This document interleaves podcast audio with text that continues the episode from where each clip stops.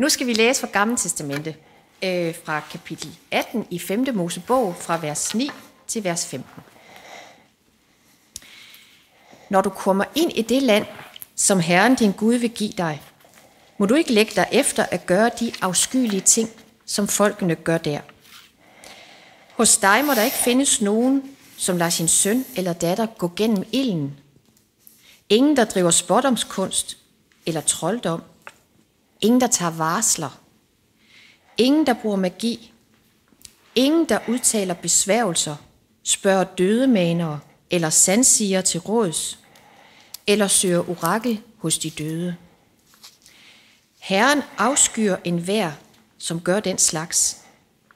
Og på grund af den slags afskyeligheder vil Herren din Gud drive folkene bort foran dig. Udadelig skal du være over for Herren din Gud. De folk, du skal fordrive, lytter til dem, der driver trolddom eller spådomskunst. Men det har Herren din Gud ikke givet dig lov til. Herren din Gud vil af din midte lade en profet som mig fremstå for dig. En af dine egne. Ham skal I adlyde. Og det er så netop den profet Moses taler om, vi skal lytte til nu. Det er Jesus selv, og der er en beretning her fra Lukas evangeliet, kapitel 11.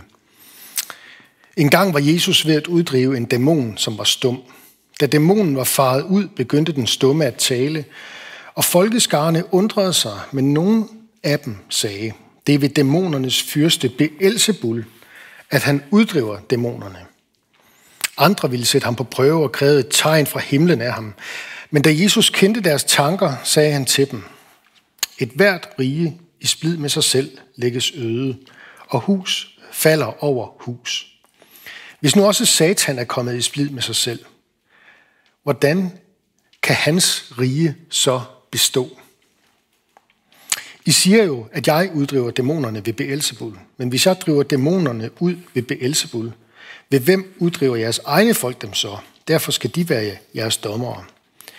Men hvis det er ved Guds finger, at jeg driver dæmonerne ud, så er Guds rige jo kommet til jer.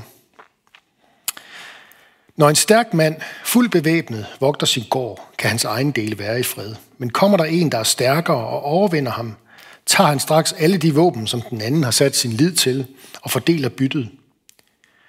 Den, der ikke er med mig, er imod mig. Og den, der ikke samler med mig, spreder. Når den urene ånd er drevet ud af et menneske, flakker den om i øde egne og søger hvile, men uden at finde den. Så siger den, jeg vil vende tilbage til mit hus, som jeg er drevet ud af. Og når den kommer, finder den huset fejet og prydet. Så går den ud og tager syv andre ånder med, værre end den selv, og de kommer og flytter ind der. Og det sidste bliver værre for det menneske end det første. Mens han sagde det, var der en kvinde i skaren, der råbte, Saligt er det moderliv, som bar dig, og de bryster, du digede. Men han svarede, ja vist. Salige er de, som hører Guds ord og bevarer det. Lad os bede sammen. Jesus, tak fordi vi kan høre dit ord nu. Og vi beder om, at vi ved din kraft, ved din helligånds kraft og dit nærvær, må bevare det og stole på det og have tillid til dit ord. I Jesu navn. Amen.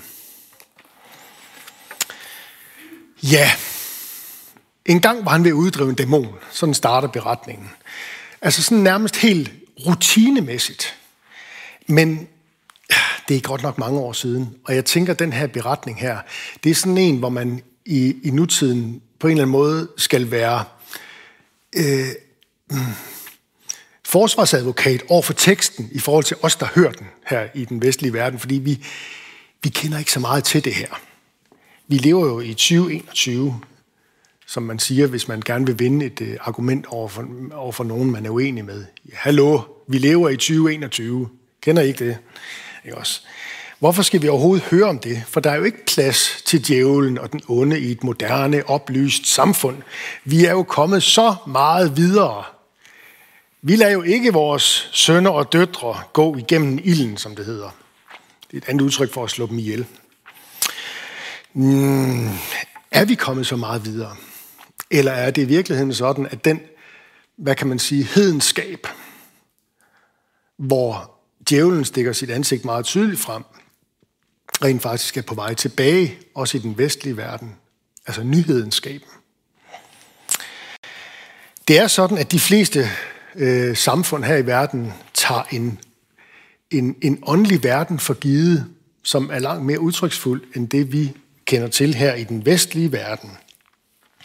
Jeg har en bekendt, som for få år siden var til en konference i Etiopien med den lutherske kirke dernede, og øh, det var jo sådan en, øh, der kom nogen fra Vesten og sådan noget, så det var sådan en store gudstjenester inde i hovedstaden og den slags. Så spurgte han nogen, om ikke han kunne få lov til at komme med ud, altså øh, på landet. Derude, hvor tingene sådan rigtig foregår, og som man ikke får lov at se, når man, når man nu sådan kommer på besøg fra, fra Vesten af. Og så, så, var det, så kørte de ud, ud, øh, ud af byen og ud på landet til en almindelig, fuldstændig almindelig gudstjeneste et sted. Og øh, det han oplevede der i forbindelse, han kendte, der var jo mange ting, der gik igen. Det var jo det er den lutherske kirke, øh, som han selv kom fra. Men det, som han også oplevede derude, det var, at øh, som en del af deres liturgi, som en del af deres gudstjeneste, der havde de sådan helt naturligt en, øh, en, en øh, forståelse af, der er en, at, at menneske er en kampplads imellem den onde og så Gud selv. Fordi det er noget, man oplever meget stærkt øh, i eksempelvis Etiopien. De tager det for givet på en helt anden måde. Så det han helt konkret oplevede, det var øh, en dæmonbesættelse, hvor et menneske blev befriet fra det onde. Øh, og det var noget, som øh, skete søndag efter søndag i forbindelse med deres gudstjenester. Akkurat ligesom at vi her i bykirken, når vi er samlet i hvert fald, øh, har en mulighed for, for forbøn, hvis man har noget, man gerne vil, vil have andre mennesker beder for. Så, var, så havde de et, øh, et team, sådan et, øh, et udfrielses-team, kan man sige. Ligesom vi har et, øh, et forbønsteam. Altså, kirken havde folk, der hjalp mennesker, som var plaget af den onde. Jeg har også læst øh, her i min forberedelse til i dag om, øh, lidt om en luthersk kirke et andet sted i verden, nede i Madagaskar. Det er en, øh, også en kirke, der har vokset kraftigt i de seneste årtier. Og øh, igen, et af de mest fremtrædende kendetegn ved kirken der, det er netop det her med, øh, at der er en tydelig kamp imellem øh, Gud og djævlen. Det kan godt være, det er det, vi kalder for, for øh, for en primitiv religion. Men spørgsmålet er, om i, virke, hvor, om i virkeligheden ikke det er os i Vesten, der rent faktisk er forblindet over for den åndelige verden. Dernede der forkynder kirken det gode budskab om Jesus på en sådan måde, at de spørgsmål, man har i samfundet, dem bliver der taget hånd om. Og de spørgsmål, man har dernede, det er ikke så meget noget, der handler om øh, min karriere og hvor stort et hus skal jeg købe og den slags. De spørgsmål, de har dernede, det er et spørgsmål om øh, besættelse, om forfædrene og den magt, de har. Fordi hele verden bliver anskuet på en, på en, øh, øh, på en anden måde, end vi kender til ofte her i Vesten. Jeg tænker, der er god grund til at tage ved lære af Etiopien og Madagaskar og andre steder, hvor kampen mellem Gud og Satan træder frem med en større tydelighed. Og jeg tror, der er en god grund til, at vi skal bide mærke i det og øve os i det og forberede os på det her i Vesten. Netop fordi, at kristendommen jo på lang sigt er på tilbagegang her i Europa, hvor den først bredte sig ud, sådan rent historisk. Men den er jo på voldsom tilbagegang.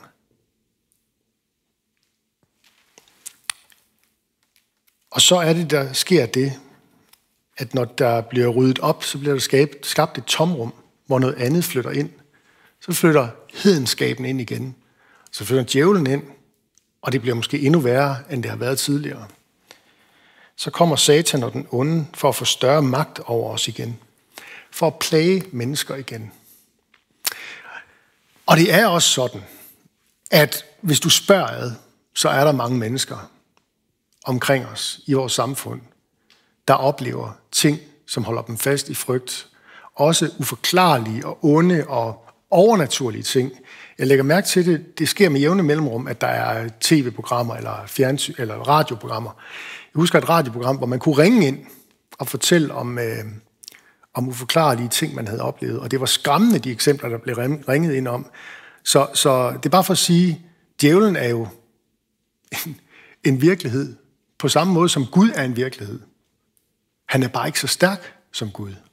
Og det er det, vi skal have fat i, vi mennesker, for at blive befriet ud af mørkets greb, ud af den her frygt og angst, som djævlen ønsker at holde vores hjerter fast i.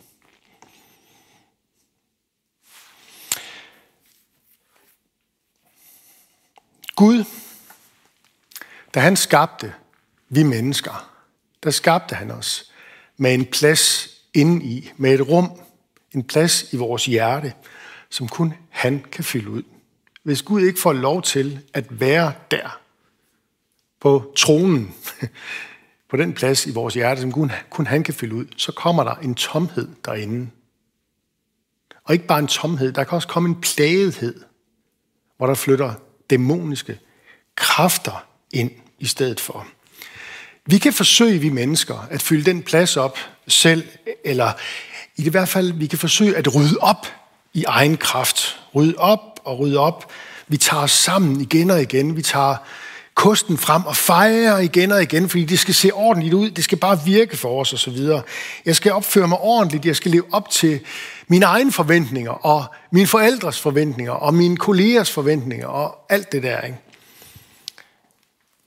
Og når jeg har gjort det, når jeg har fejret og taget mig sammen og ryddet op, jamen så må jeg jo være en god kristen. Så er det ikke sådan, det hænger sammen? Nej, det er ikke helt sådan, det hænger sammen. Det hjælper faktisk ikke særlig meget. Hvis ikke Gud og Guds ord får lov til at rykke ind i den plads i vores hjerter, som Gud har skabt os med, så flytter noget værre ind i stedet for. Eller sagt på en anden måde, hvis ikke Jesus er i dit liv, så er du udsat. Du er frygteligt udsat. Så er du nemlig bundet til selv at fylde et tomrum ud, som kun Gud kan udfylde. Og når du selv prøver, så risikerer du, at mørkets magter træder til og tilbyder dig at hjælpe dig med det. Hvis bare du vil kaste dig ned og tilbe mig, som djævlen sagde til Jesus en gang. Det siger han også til os. Det Jesus prøver at sige til os i dag, det er, at vores hus, han taler om et hus med nogle rum, der bliver fejet og så videre. Vores hus, som er et billede på, på, på, vores, på vores liv, vores hjerte, vores sind – det hus skal ikke bare tømmes for alt det forkerte og renses, og så der ikke er noget derinde. Det skal tømmes, ja. Men når det er tømt, når, når, når vi har forsaget djævlen, og som sagt, det tager kun fem sekunder, og alle hans gerninger, alt hans væsen, så skal der fyldes noget andet ind. Noget, der er større, og noget, der er skønnere, og som tager længere tid at bekende, nemlig troen på faderen, sønnen og helligånden. Det er det, der skal fylde. Det er Guds ord. Det bekræftes også af, de, af det, som øh, den afsluttende øh, man kan sige, dialog, der er her i, øh, i, i øh, beretningen i dag, hvor en kvinde lovpriser Jesus efter alt det her, han har sagt, øh, og belært øh, dem, der står omkring. Om, så siger, han, så, siger, så siger hun, saligt er det moderliv, som bar dig, og de bryster, du digede. Og så siger Jesus sådan, det, jeg, jeg, jeg hører det sådan lidt tørt, sådan ja vist, eller sådan lidt bevares, agtigt, ikke også? Og så siger han det, som er så vigtigt. Han siger sådan her, han siger sådan her, ja vist, salige er de, som hører Guds ord og bevarer det. Det er det. Det er den måde, vi vi holder i det lange løb, vi, vi ikke bare selv at, at, at, at kæmpe i egne kræfter, og så forsage djævlen og rydde godt op, og lad være med at bande, og alle de der ting, man nu opfører sig ordentligt. Nej, der skal noget helt andet til, for at vores liv tager en retning, og vi bliver befriet fra frygten. Nemlig det, at vi hører Guds ord. Og bevarer det. Det, som tager længere tid, det, som fylder meget mere, det, som er vigtigt for os mennesker, troen på faderen, sønnen og helligånden. Salig er de, som hører Guds ord, siger Jesus. Det betyder jo også, at øh, der er et organ, der er en sans, som er vigtigere end andre sanser og organer. Det er øret, høresansen. Øret er det vigtigste organ, fordi med øret, der kan vi høre et budskab fra en anden verden. En åbenbaring fra Guds rige, som vi ikke kan sige os selv. Med øret er det sådan, at det er det vigtigste organ. Fordi der kan vi høre et budskab, som ved Helligåndens kraft kan fylde tomrummet inde i vores hjerter, så vi får fornyet tillid til, at Jesus han er den stærkere. At stor er Guds fjende, men større er dog Gud, som vi sang før. Og vi kan glæde os over at være mennesker, over at være kristne, når vi åbner vores ører for Guds ord, og Jesus får lov til at tage bolig i vores hjerter. Og derfor er det også vigtigt, at vi får lov til at fylde vores ører med sang, som udspringer af Kristi ord. Sådan som Paulus siger det i Kolossenserbrevet, sådan her. Lad Kristi ord bo i rigtmål hos jer. Undervis og forman med al visdom hinanden med salmer, hymner og åndelige sange. Syng med tak i jeres hjerte til Gud. Men det begynder altså sådan her.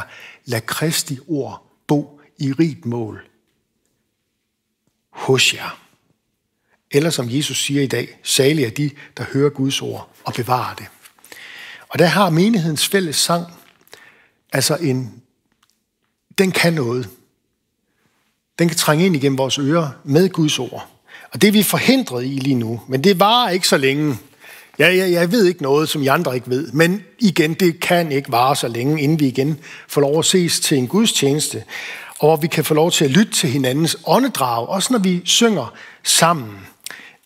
Vi kan få lov til at se frem til i fælles takkesang til Jesus, at høre sidemandens personlige præg og stemme, få lov til at være til stede i vores øh, fælles forskellighed. På den måde, der kan man sige, at kirkens sang til Gud, det er sådan en fælles udånding. Han giver os liv, vi trækker vejret ind, vi modtager hans ord, og så ånder vi ud igen i tak. En enhed i ånden. Og hvor trænger vi dog til det, i stedet for bare at sidde derhjemme, ligesom Jens Weimann bag skærmen, ikke også? Sangen, det er et kendetegn ved den kristne menighed. Og den sang, den kristne sang, den kristne lovsang, den bærer netop Kristi ord med sig. Og forkynder det ord også ind i vores ører, sådan at vi hvad kan man sige, grundfæstes i tillid til, at Jesus kan vi stole på. Og det har en stærk magt, det ord. Det er faktisk det eneste, der kan overbevise vores hjerter om, at Gud kan vi stole på. At Jesus er død i vores sted. Der er mange mennesker, der er blevet, på den måde er blevet sunget ind i Guds rige. Båret ind i Guds rige af salmer, hymner og åndelige sange, som bor i menigheden, og hvor, hvor Kristi ord bor øh, hos os.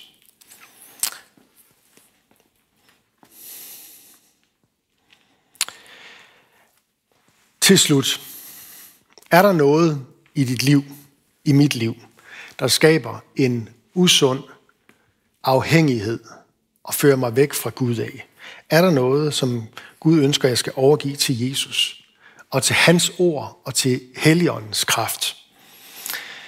Hvis du vil foretage en diagnose af det, eller finde ud af, om der er noget, hvor du øh, er under dæmonisk indflydelse, noget, som du er besat af. For vi bruger det udtryk stadigvæk. Nogle gange bruger vi det positivt. Jeg er bare besat af det her, ikke også?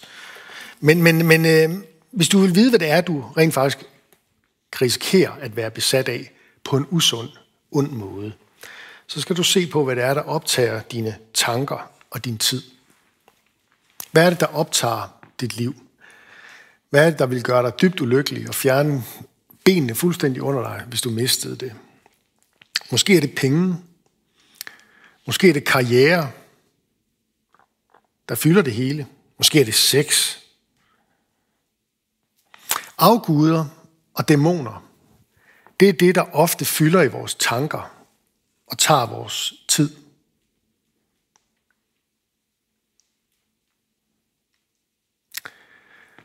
Tænk på det, der er i himlen, der hvor Jesus sidder ved faderens højre hånd, siger Paulus et sted i sin breve. Der er også masser af skønne ting, som vi skal lade fylde.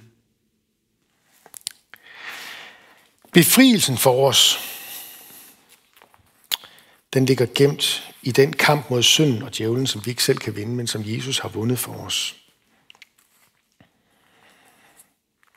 Vi har et løfte om, at han er med os alle dage, ham som er sejrherren, alle slags dage er han med os. Både de hårde dage, og de dage, hvor solen skinner, og det er forår udenfor. Både de dage, hvor vi ikke kan samles, og den dag, der snart kommer, hvor vi kan samles igen til gudstjeneste. Og uanset om vi kan samles eller ej, så er vi stadig kaldet af Gud til at leve netop af evangelisk kraft, til at lade Guds ord trænge ind i vores vigtigste organ, øret, og høre ham. Høre hans ord, og lad det blive bevaret der i vores hjerte. Vi er som kristne blevet befriet. Vi er blevet befriet og har fået et nyt liv af ham, som er den stærkere, ham, som er sejrherren. Og når vi taler om, at vi gerne vil være en taknemmelig kirke i mission, så handler det om lige præcis det, at vi ønsker at invitere hinanden og invitere flere mennesker over på sejrherrens side. Missionen det er at invitere mennesker over på sejrherrens side. Lad os bede sammen. Jesus, vi takker dig, fordi du er den stærkere. Og der er ikke nogen, der er stærkere end dig. Du er sådan set den stærkeste. Vi takker dig for det fællesskab, du har skabt her på jorden, den kristne kirke, som er et skrøbeligt fællesskab med masser af svage mennesker, der ikke i sig selv formår at rense ud og gøre op, og hvad ved jeg. Men i dig, Jesus, der har vi alt det, der skal til. Vi har alt det, der skal til. Og derfor takker vi dig for det kristne fællesskab. Også på en dag som i dag, hvor vi er forhindret i at mødes ansigt til ansigt. Vi beder om, at du vil lære os at række ud over vores egne behov og lære os sætte os selv til side til fordel for vores næste. Lær os at elske vores søster og bror. Lær os at se kraften i dit ord. Lær os, som du siger i dag, at høre dit ord og bevare det. Lad dit ord bo i rigt mål i blandt os. Lad os få lov til snart igen at mødes og tale til hinanden med salmer, hymner og åndelige sange. Det beder vi om, Jesus. Vi beder dig for den kommende generation, både de ufødte, de nyfødte, børnene og de unge. Beskærm du dem og lad dem få lov at vokse op i tro på dig. Vi beder for skærm by og omegn, for vores familie, venner, naboer og kolleger. For alle, som savner fællesskab og nærvær, og hvem af os gør ikke det i den her tid? Vi beder om, at du vil være nær hos alle os, der er ramt af ensomhed, sygdom, lidelse, mismod. Giv os øh, nyt mod til at være til stede for hinanden. Og giv os visdom til at sikre, øh, øh og sikre hænder til de, som arbejder med at lindre smerten hos de af os, som er syge. Lad os nu være især bede en bøn for et menneske eller en situation, der har brug for Guds hjælp. Lad os bede hver især.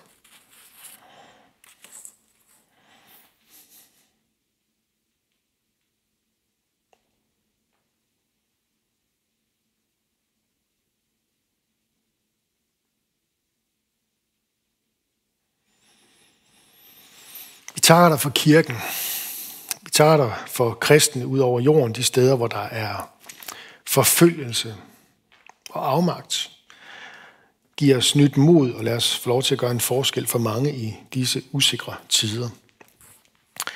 Vi beder for Danmark, for Danmarks fred, for alle, der arbejder med sundhed og økonomi og alle de her forskellige dagligdags opgaver, som vi i lang tid har taget for givet og ikke set velsignelsen i, men som nu tydeligt træder frem for os som Guds velsignelse for os alle.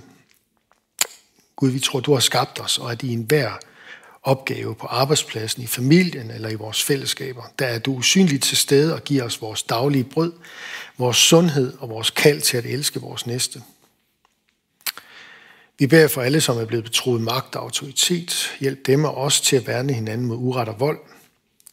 Vi beder om, at de gode nyheder om dig, Jesus, er der må få fremgang i Danmark. Vend vores hjerter til dig.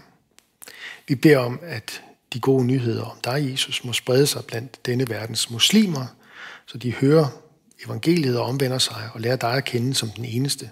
Sande Gud, vi beder om, at den tid snart må komme, hvor de jødiske folk ser dig som Messias og omvender sig i glæde. Vi beder om Jerusalems fred. Jesus, vi længes efter nærvær, efter dit nærvær. Kom snart og gør alting nyt. Det beder vi om i dit navn. Amen.